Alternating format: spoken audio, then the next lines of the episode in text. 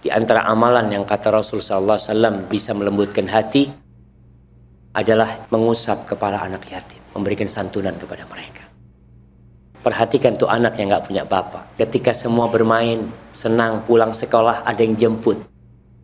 Tuh anak yatim harus berdiri sendiri. Nabi SAW mengatakan, usap anak yatim. Ya dengan berbagi dengan mereka.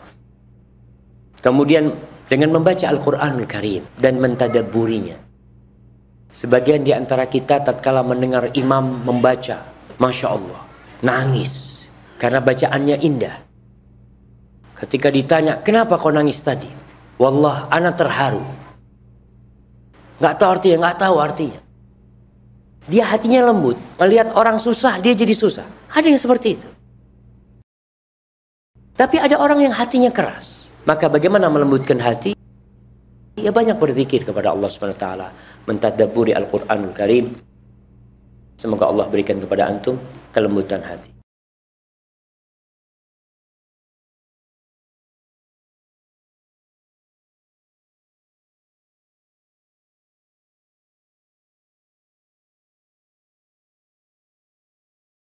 Donasi dakwah Yufid. Yuk berikan amal jariah terbaik Anda untuk dakwah dan pendidikan Islam.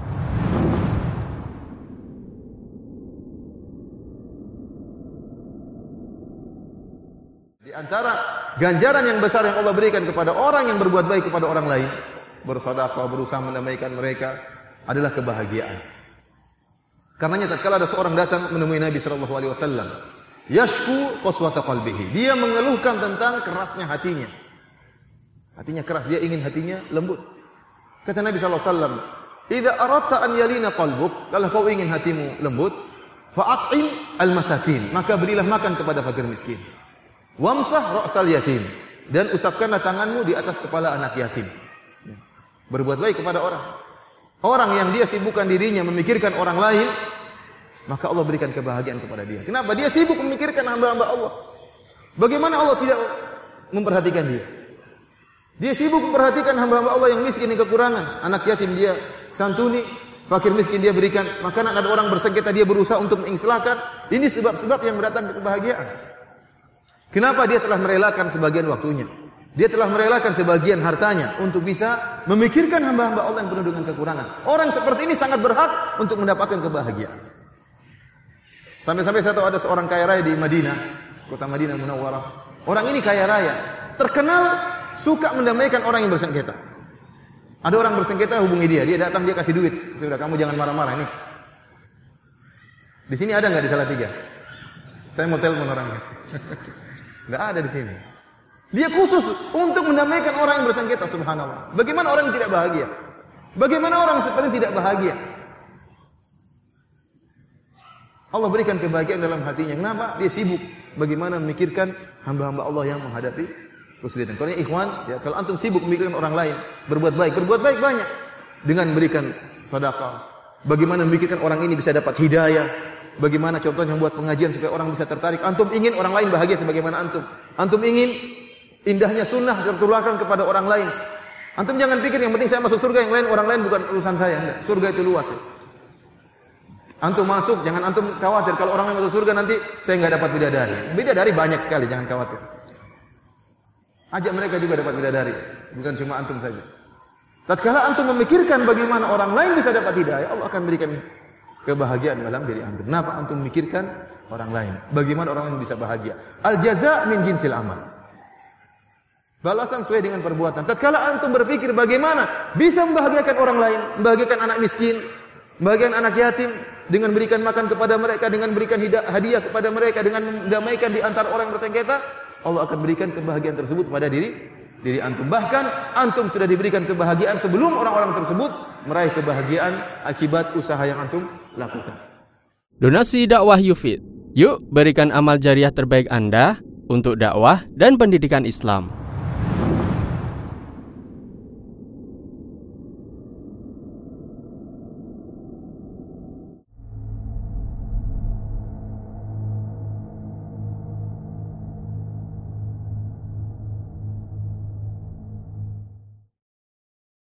husnudzan kepada Allah. Husnudzan atau berbaik sangka kepada Allah termasuk ibadah hati yang memiliki nilai yang sangat besar. Dan inti dari husnudzan kepada Allah adalah membangun keyakinan sesuai dengan keagungan nama-nama dan sifat-sifat Allah. Juga membangun keyakinan sesuai dengan konsekuensi dari nama-nama dan sifat-sifat Allah tersebut. Berikut ini adalah beberapa penjelasan dari inti husnudzan kepada Allah Subhanahu wa taala.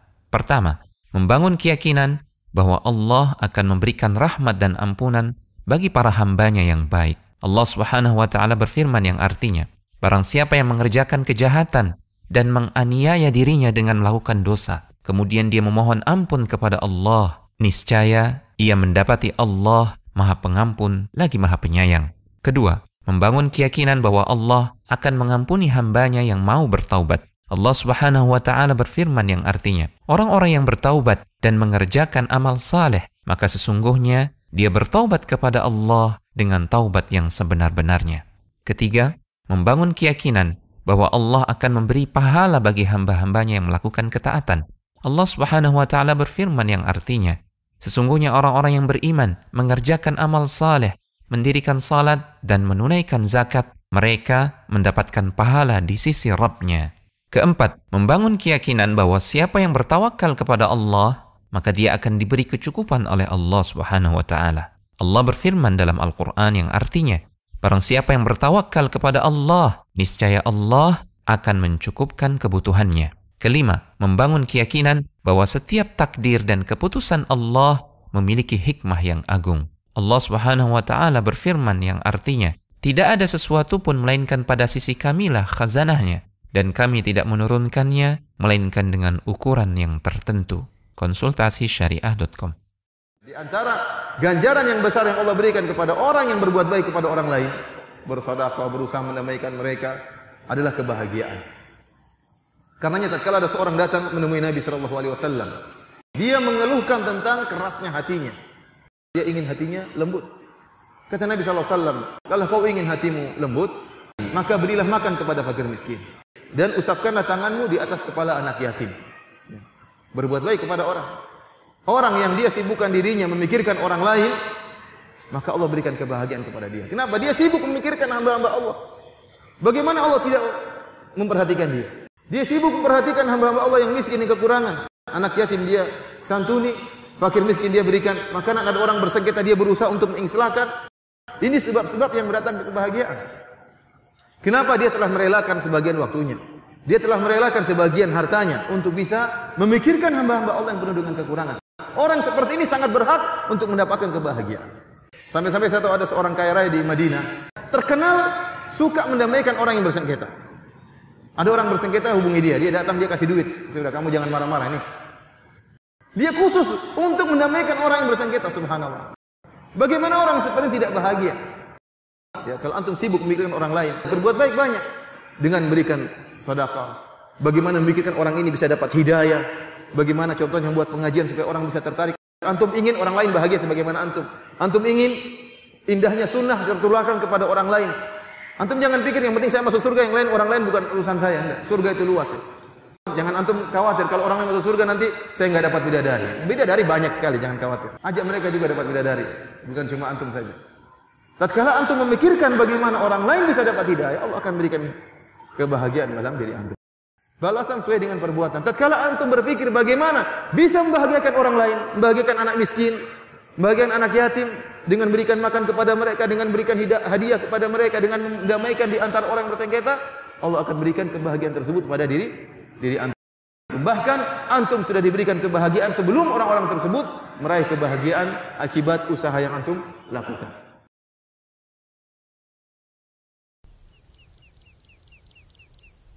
Ketika orang itu hatinya dalam kondisi sakit disebabkan banyak maksiat, banyak bergaul dengan lingkungan luar yang belum tentu sesuai dengan syariat, Ibnu Qayyim menyebutkan tiga prinsip ini. Cara yang pertama adalah dia harus jaga kekuatan hati. Kata Ibnu Qayyim, bentuknya menjaga kekuatan hati adalah banyak melakukan ketaatan, mendekatkan diri kepada Allah, atau semua bentuk ibadah itu akan menjadi penjaga kekuatan bagi hati manusia. Allah Ta'ala berfirman, Demikianlah kami turunkan kepadamu wahyu Al-Quran dari ketetapan kami. Dan aku jadikan wahyu ini sebagai cahaya karena dia menjadi sumber kekuatan bagi hati. Yang dengan itu aku beri petunjuk siapa saja di antara hambaku yang aku kehendaki. Kemudian yang kedua, orang yang hatinya sedang sakit harus menghindari pantangan yang bisa menyebabkan penyakit hatinya semakin parah. Penyakit bagi hati manusia sumbernya adalah semua perbuatan dosa dan maksiat serta penyimpangan yang dilakukan oleh manusia. Disebutkan dalam hadis, apabila seorang hamba itu melakukan satu kesalahan, maka dititikkan dalam hatinya satu titik hitam. Apabila dia memohon ampun, bertaubat, maka hatinya akan dibersihkan. Namun kalau dia kembali mengulangi maksiat yang dia lakukan, akan ditambahkan titik hitam yang lain sampai titik hitam ini menutupi seluruh permukaan hatinya. Kemudian yang ketiga, dengan membersihkan hati dari semua unsur-unsur yang membuat hati itu sakit. Kata Ibnu Qayyim, bentuknya adalah dengan bertobat, beristighfar kepada Allah Subhanahu wa taala. Karena dengan orang itu bertobat dan beristighfar, maka hatinya akan dibersihkan oleh Allah Subhanahu wa taala. Sebagaimana Nabi SAW bersabda, orang yang bertobat dari dosa itu sebagaimana orang yang tidak memiliki dosa.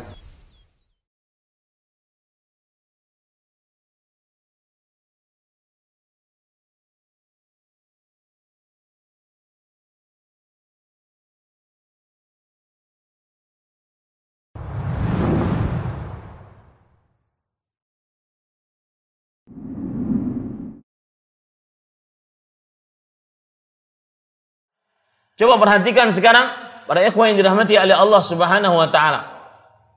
Orang-orang yang rusak hatinya, yang lebih cinta dunia, maka akhirnya yang ada adalah neraka jahanam. Ini kerusakan di akhirat.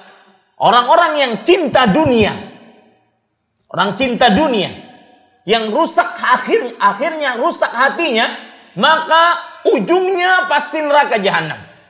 Lihat dalam surat Yunus ayat 7 sampai 8. Innal ladzina la yarjuna liqa'ana wa radu bil hayatid dunya wa tama'annu biha walladzina hum an ayatina ghafilun. Ulaika ma'wahumun nar bima kanu yaksibun.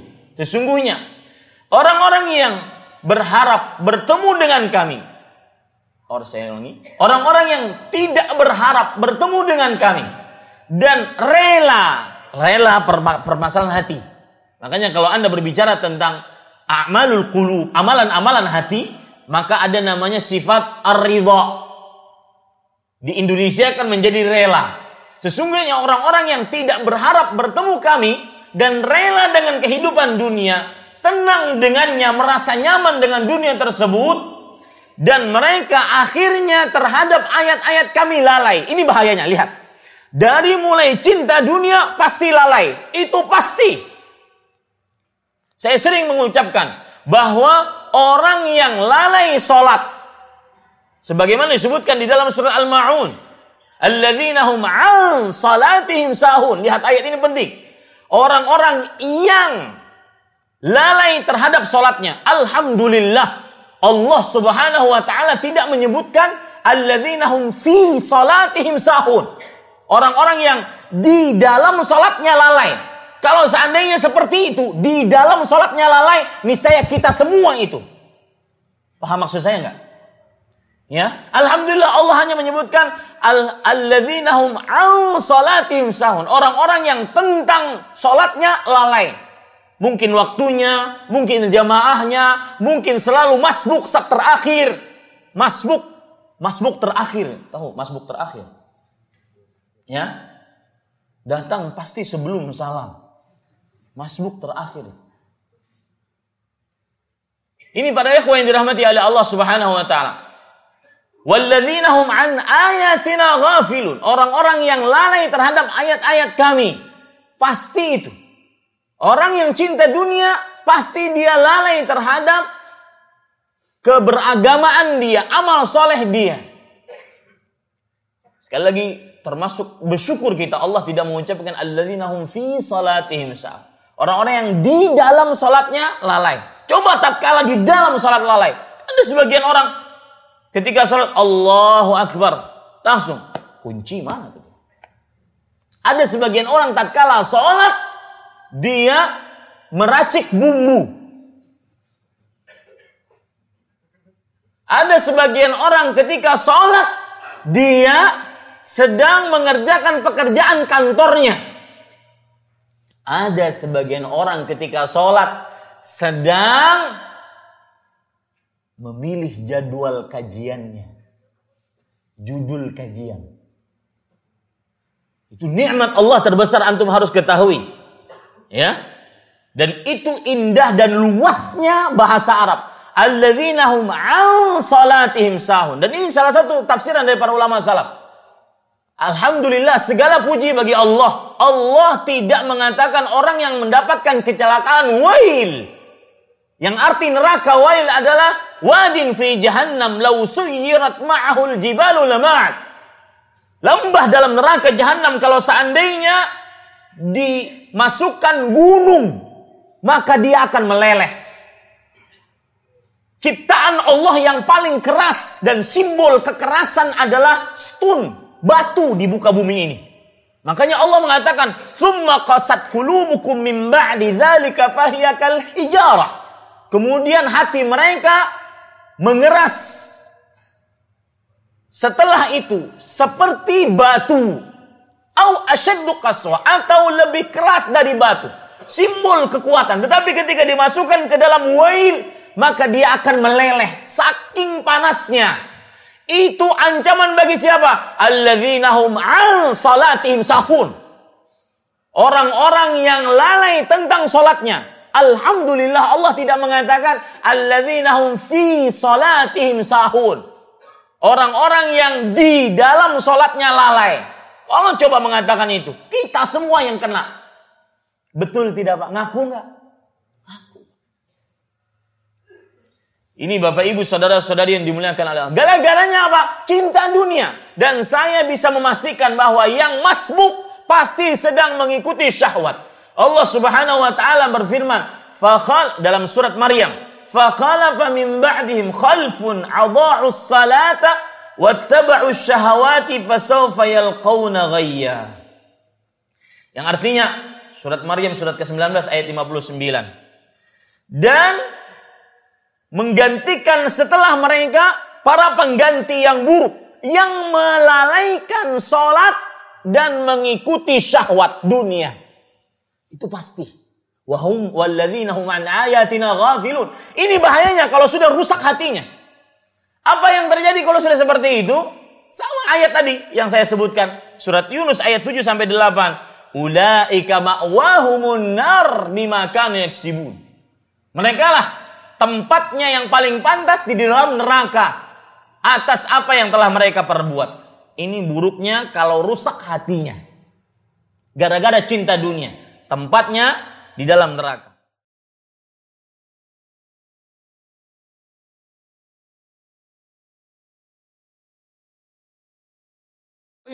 تنصروا الله ينصركم ويثبت أقدامكم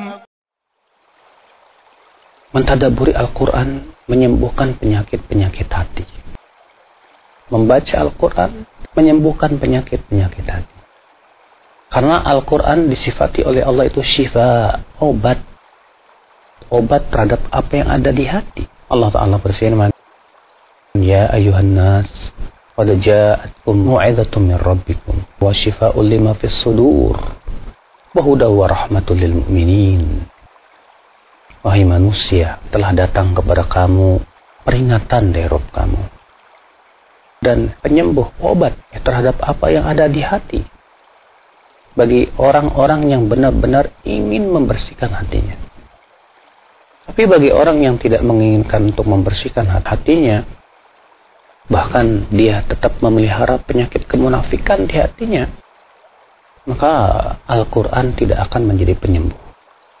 Oleh karena itu Allah Subhanahu wa taala mensifati orang munafik. Wa idza ma unzilat surah faminhum man yaqulu ayyukum zadatu hadhi imana. Fa amma alladhina amanu fazadatuhum imana wa hum yastabshirun. Ya Allah mengatakan apabila diturunkan surat dari Al-Qur'an di antara orang-orang munafik itu ada yang berkata, "Siapa di antara kalian yang bertambah keimanannya dengan turunnya Al-Qur'an ini?"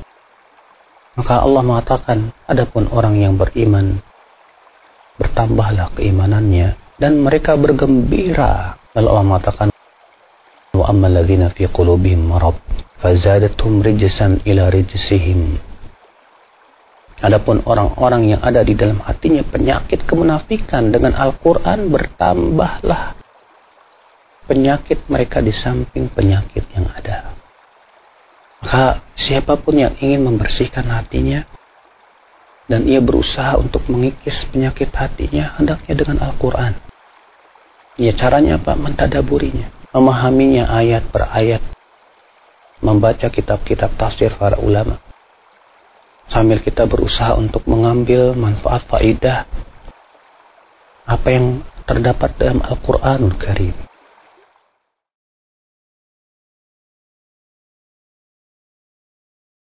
Donasi dakwah Yufid. Yuk berikan amal jariah terbaik Anda untuk dakwah dan pendidikan Islam.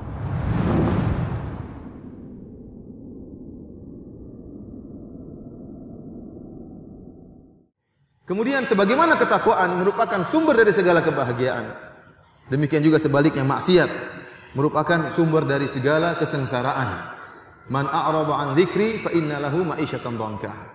Kata Allah Subhanahu wa taala barang siapa yang berpaling dari peringatanku, berpaling dari Al-Qur'an, fa inna lahu ma'isyatan dhanka. Maka bagi dia kehidupan yang sempit. Bagi dia kehidupan yang penuh dengan kesulitan, penderitaan, hatinya menderita. Bisa jadi hartanya banyak, bisa jadi memiliki rumah yang mewah, bisa jadi ya, ya rumahnya luas, akan tapi hatinya sempit. Kenapa? Karena maksiat yang dia lakukan.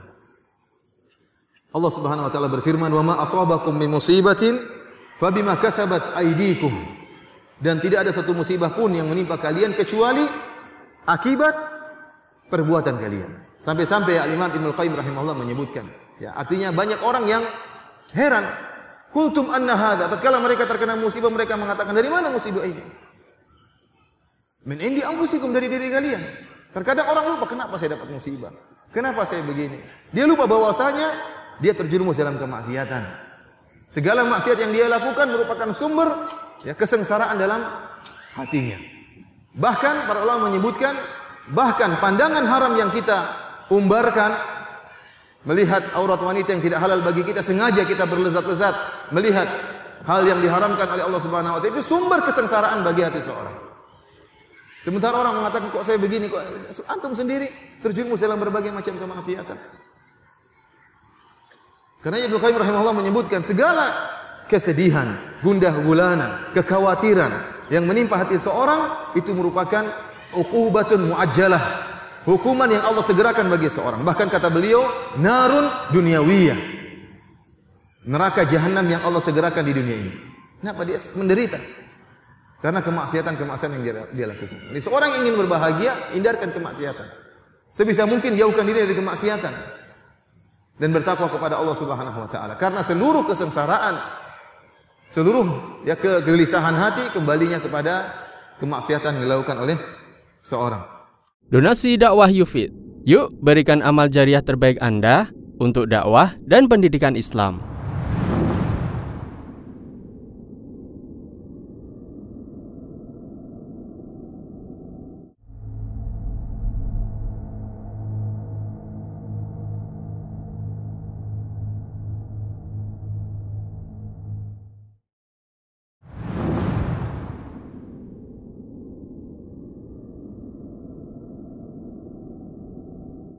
Kebahagiaan bukan hanya diukur dengan banyaknya harta.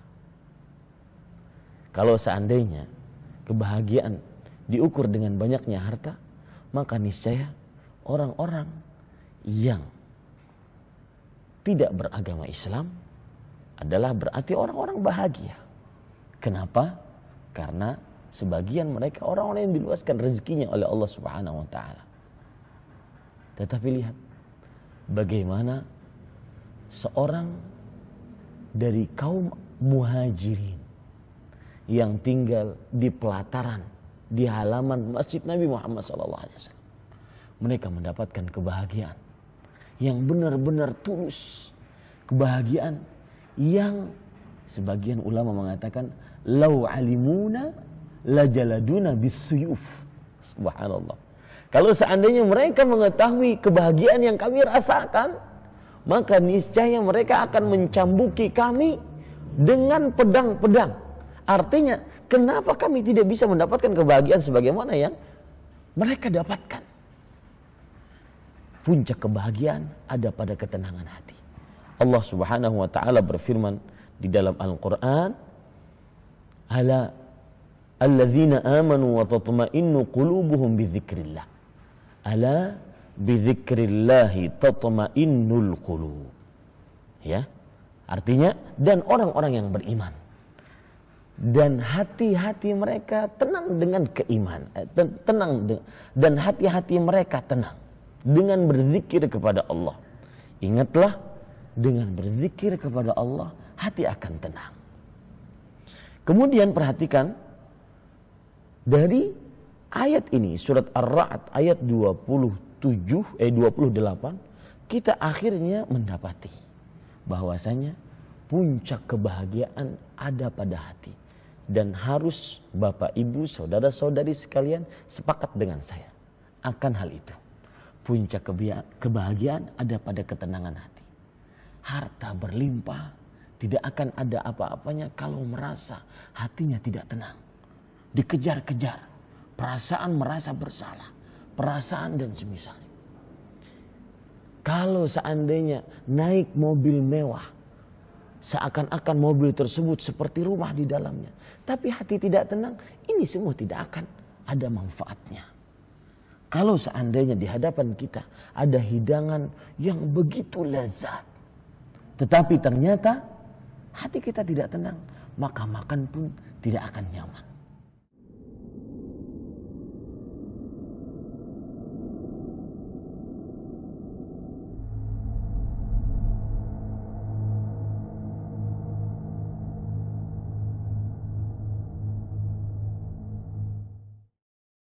Donasi dakwah Yufid. Yuk berikan amal jariah terbaik Anda untuk dakwah dan pendidikan Islam.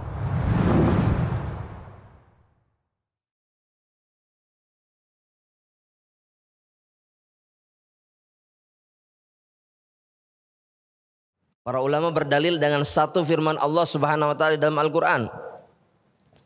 Ini yang menyebabkan kenapa hati kita hati kita tidak pernah apa? Tenang.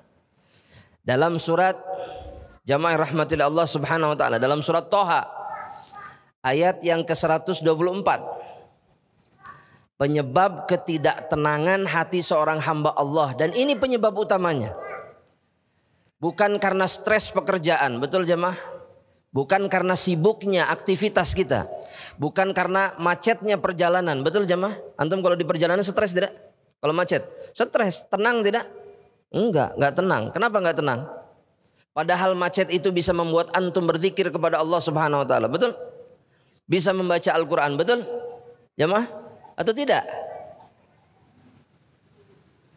Allah Subhanahu wa taala berfirman, "Wa man a'rada an dzikri," kata Allah.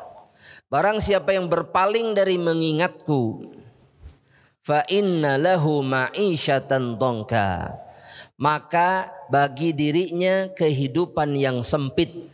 Dan Al-Imam Ibnu Kathir Al-Imam Ibnu Kathir mengatakan seperti ini. Ai kata beliau man khalafa amri wa ma anzaltuhu ala rasuli. Orang-orang yang menyelisihi perintahku. Itu yang dimaksud oleh Allah Subhanahu wa taala. Kemudian menyelisihi apa yang aku turunkan kepada rasulku fa'arada anhu wa tanasah. Kemudian dia berpaling dan melupakannya. Fa inna lahu ma'isyatan donkan fid dunya. Dia akan memiliki kehidupan yang sempit di dunia. Ai kata beliau la tuma'ninata lahu. Tidak ada ketenangan di dalam hatinya. Walan syiraha fi sadrihi. Dan tidak ada kelapangan di dalam dadanya. Selalu merasa sempit. Selalu merasa su susah Kapan kita merasa bahagia jemaah? Kapan kita merasa bahagia? Mana yang lebih sering kita merasa bahagia atau kita merasa sempit hatinya? Jemaah, merasa sedih? Yang mau jawab dapat hadiah ini jemaah. Ya Allah, harus pakai hadiah. Coba jemaah. Ah, mana yang lebih sering? Sempit atau lapang? Jika lebih sering sempit, maka ingat berarti kita banyak berpaling dari mengingat Allah Subhanahu wa taala. Itu yang sering kita lupakan jemaah. Awal bulan susah. Akhir bulan susah juga. Kapan nggak susahnya jemaah? Kapan? Ini menunjukkan hati ini jauh dari mengingat Allah Subhanahu wa taala.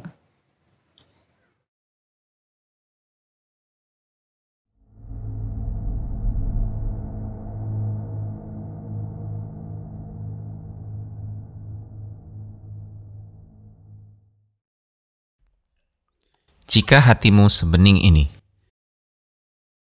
Suatu ibadah yang sangat bernilai di sisi Allah Subhanahu wa taala, tapi sedikit wujudnya di tengah-tengah manusia. Dialah hati yang bening. Sebagian dari orang yang berhati bening mengatakan, "Setiap kali aku melihat kenikmatan pada seorang muslim, baik berupa harta, istri salihah, atau keturunan yang baik, aku mendoakan, ya Allah, jadikanlah kenikmatan itu penolong baginya untuk taat kepadamu, dan berikanlah keberkahan kepadanya. Ada juga dari mereka yang mengatakan, setiap kali aku melihat seseorang yang tertimpa sakit atau kurang fisiknya, maka aku mendoakan, Ya Allah, berikanlah kesembuhan kepadanya, dan bukakanlah kepadanya nikmat hidayah, sehingga ia bisa mendapatkan pahala atas musibah yang menimpanya. Ada lagi yang mengatakan, setiap kali aku berpapasan dengan pelaku maksiat, kudoakan dia agar mendapatkan hidayah. Sebagian yang lain mengatakan, saya selalu berdoa, semoga Allah memberikan hidayah kepada hati manusia seluruhnya, sehingga mereka terbebas dari api neraka. Yang lainnya lagi mengatakan, setiap kali hendak tidur, aku berdoa, Ya Robku, siapa pun dari kaum muslimin yang berbuat zalim kepadaku, sungguh aku telah memaafkannya. Oleh karena itu, maafkanlah dia karena diriku terlalu hina untuk menjadi sebab disiksanya seorang muslim di neraka. Itulah hati-hati yang bening. Alangkah butuhnya kita pada hati-hati yang seperti ini. Karena hati yang jernih dan bening adalah penyebab kita masuk ke dalam surga. Suatu malam, Al-Hasan Al-Basri pernah berdoa, Ya Allah, maafkanlah siapa saja yang menzalimi aku. Dan ia terus mengulang-ulang doa tersebut. Maka ada seseorang yang bertanya kepadanya, Wahai Abu Sa'id, panggilan Al-Hasan Al-Basri, sungguh malam ini aku mendengar engkau berdoa untuk kebaikan orang yang berbuat zalim kepadamu. Sehingga aku berangan-angan, andai saja aku termasuk orang yang telah berbuat zalim kepadamu. Maka apakah yang membuatmu melakukannya? Beliau menjawab, firman Allah, Barang siapa memaafkan dan berbuat baik, maka pahalanya kembali kepada Allah. Sungguh, Itulah hati yang dijadikan saleh dan dibina oleh para pendidik dan para guru dengan berlandaskan Al-Quran dan As-Sunnah. Maka, selamat atas surga yang didapatkan oleh mereka. muslim.org.id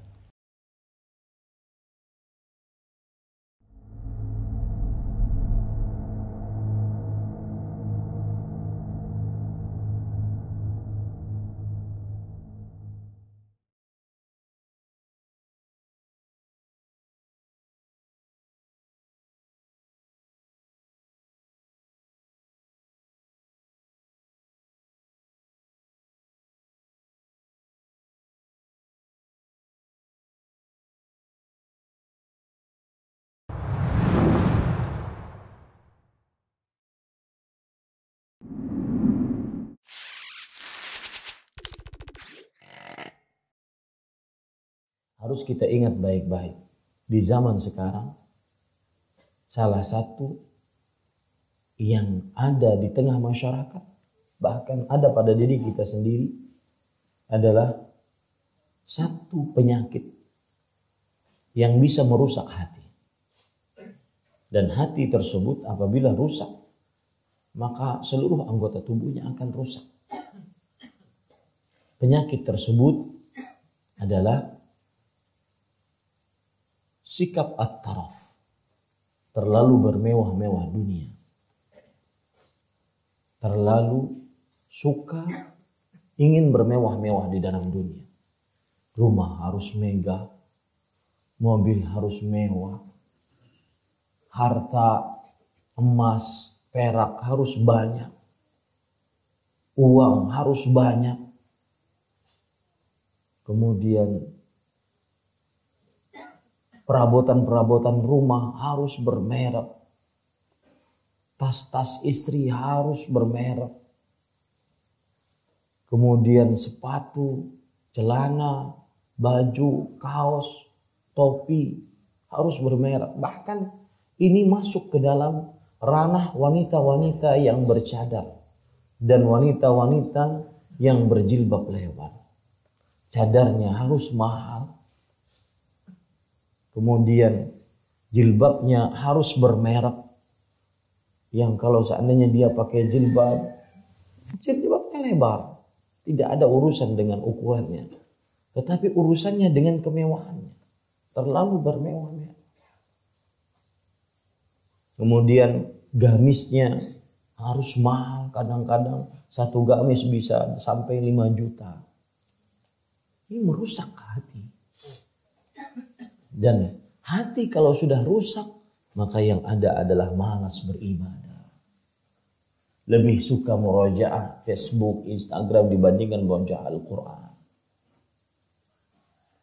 Kemudian malas berzikir pagi dan sore.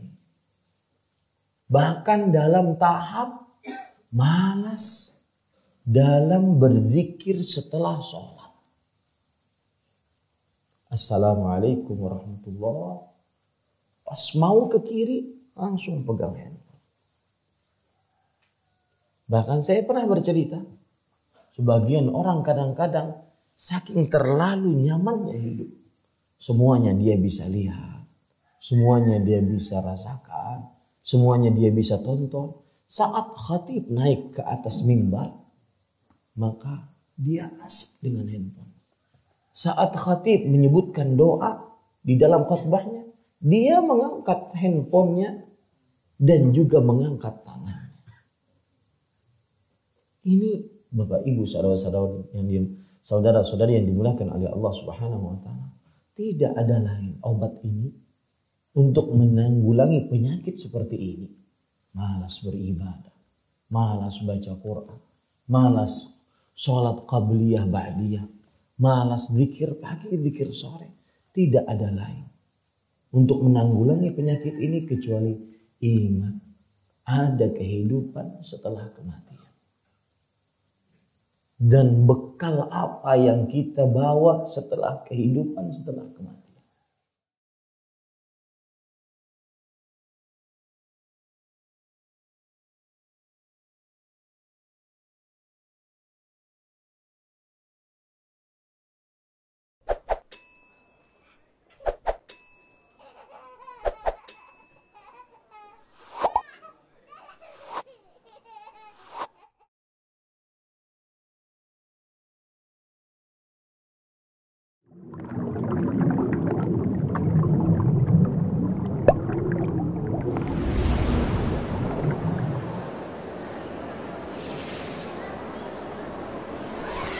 Ustadz, bagaimana mengobati penyakit futur dan bagaimana membantu orang-orang terdekat yang sedang futur? Jazakallah khairan.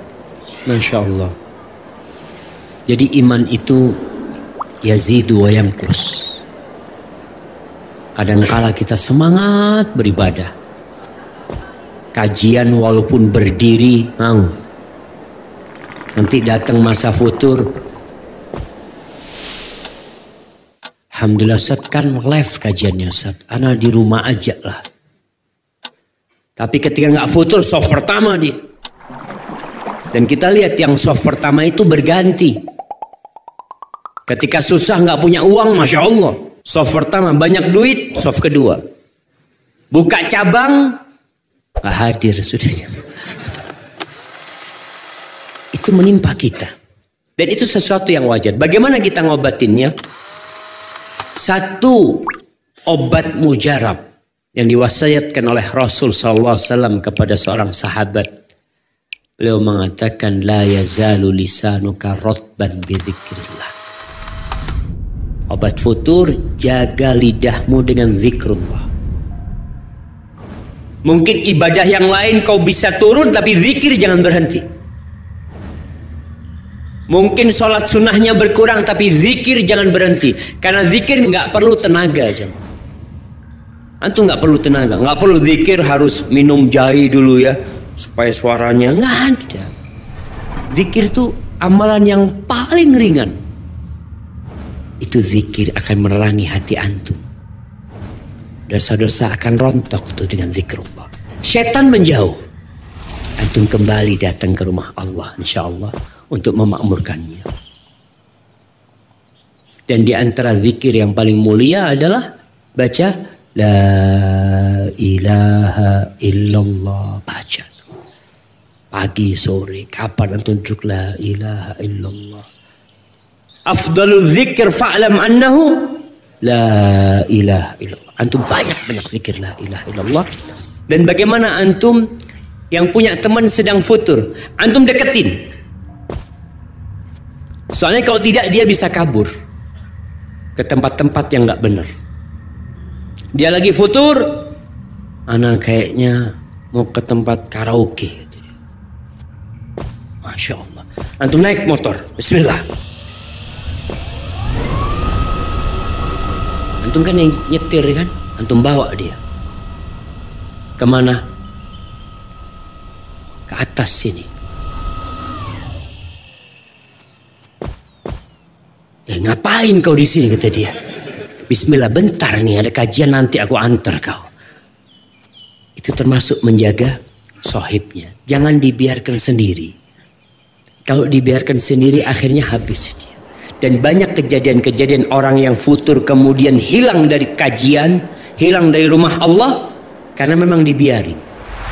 Atau karena dia memang mengasingkan diri. HP-nya dimatikan ini itu, ya sudah. Akhirnya dia jadi korban syaitan. Kiranya seperti itu Allahu a'lam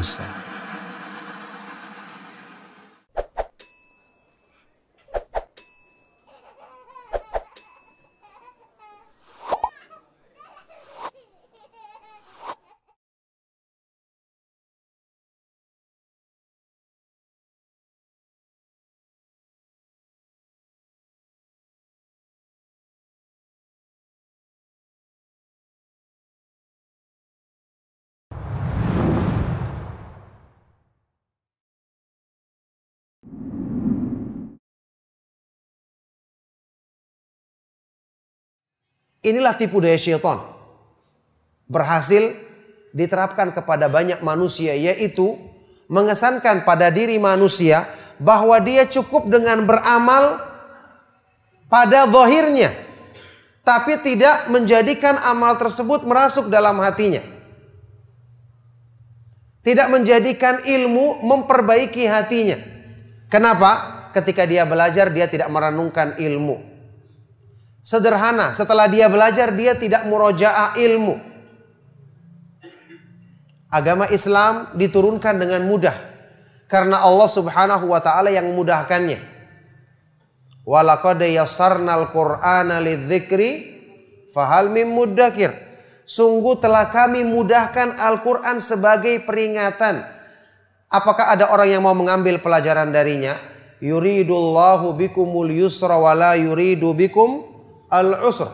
Allah menghendaki kemudahan bagimu dan dia tidak menghendaki kesulitan. Terus permasalahannya di mana? Dari dulu kita beribadah, kita melaksanakan sholat. Sampai saat ini sholat kita masih begitu-begitu saja. Belum menjadikan kita ketika melaksanakan sholat. Merasa beristirahat di dalamnya. Sebagaimana yang disebutkan dalam sunnah Rasulullah SAW. Belum menjadikan kita ketika menunaikan sholat. Hilang semua beban pikiran kita karena kita dekat dengan Allah Subhanahu wa taala tentu tidak ada yang lebih menyenangkan hati, menggembirakan hati, mendamaikan hati melebihi dari dekat melebihi dari ketika dia dekat dengan Allah Subhanahu wa taala. Ingat, tidak ada yang susah Karena agama dimudahkan. Petunjuknya pun alhamdulillah sekarang kita pelajari karena kita mengenal manhaj salaf. Al-Quran kita baca, tafsirnya juga dinukilkan. Hadis-hadis yang sahih disebutkan, pemahaman para ulama dijelaskan di hadapan kita. Berarti tinggal kembali kepada kita. Media dalam diri kita untuk bisa memanfaatkan ilmu yaitu hati harus dibuka, harus disiapkan untuk menampung ilmu. Karena ilmu yang bermanfaat itu akan bisa diterima manusia kalau dia punya media hati yang benar. Inna fi dzalika ladzikra liman kana lahu qalbun au alqa sam'a wa huwa syahid. Inilah cara untuk mendapatkan manfaat daripada ilmu.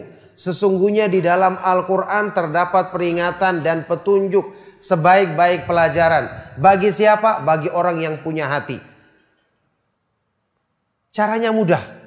Setelah tentu saja memohon pertolongan kepada Allah Subhanahu wa taala, mulai sekarang waktu kita belajar, hadirkan hati. Ketika Anda mendengarkan nasihat, hati tersentuh dengan nasihat, ini pertanda ilmu sedang berusaha masuk ke dalam hati kita. Ya, hati yang tadinya tertutup akan terbuka dengan ilmu. Hati yang tadinya kotor akan dibersihkan dengan ilmu. Kita ingat selalu perumpamaan yang disebutkan dalam Al-Quran yang disebutkan dalam hadis-hadis yang sahih tentang wahyu ketika membersihkan hati bagaimana seperti air hujan yang turun ke muka bumi. Rasulullah SAW bersabda, Inna mathala ma ba'athani Allahu bihi minal huda wal ilmi kama thali goithin asaba ardon. Sesungguhnya perumpamaan dari petunjuk yang aku bawa dari sisi Allah Subhanahu wa taala, ilmu dan petunjuk yang aku bawa dari sisi Allah seperti hujan yang diturunkan di muka bumi. Kalau hujan telah turun di permukaan bumi yang gersang jadi hidup, yang tadinya tidak tumbuh akan menjadi subur. Ini perumpamaannya. Waktu kita belajar, hati kita disentuh. Sentuhan ini perlu ditambah dengan kita murojaah setelah kita pulang. Kita praktekkan dalam kehidupan kita. Ya, waktu kita misalnya membaca Al-Quran. Ini adalah sebaik-baik ilmu, sebaik-baik petunjuk.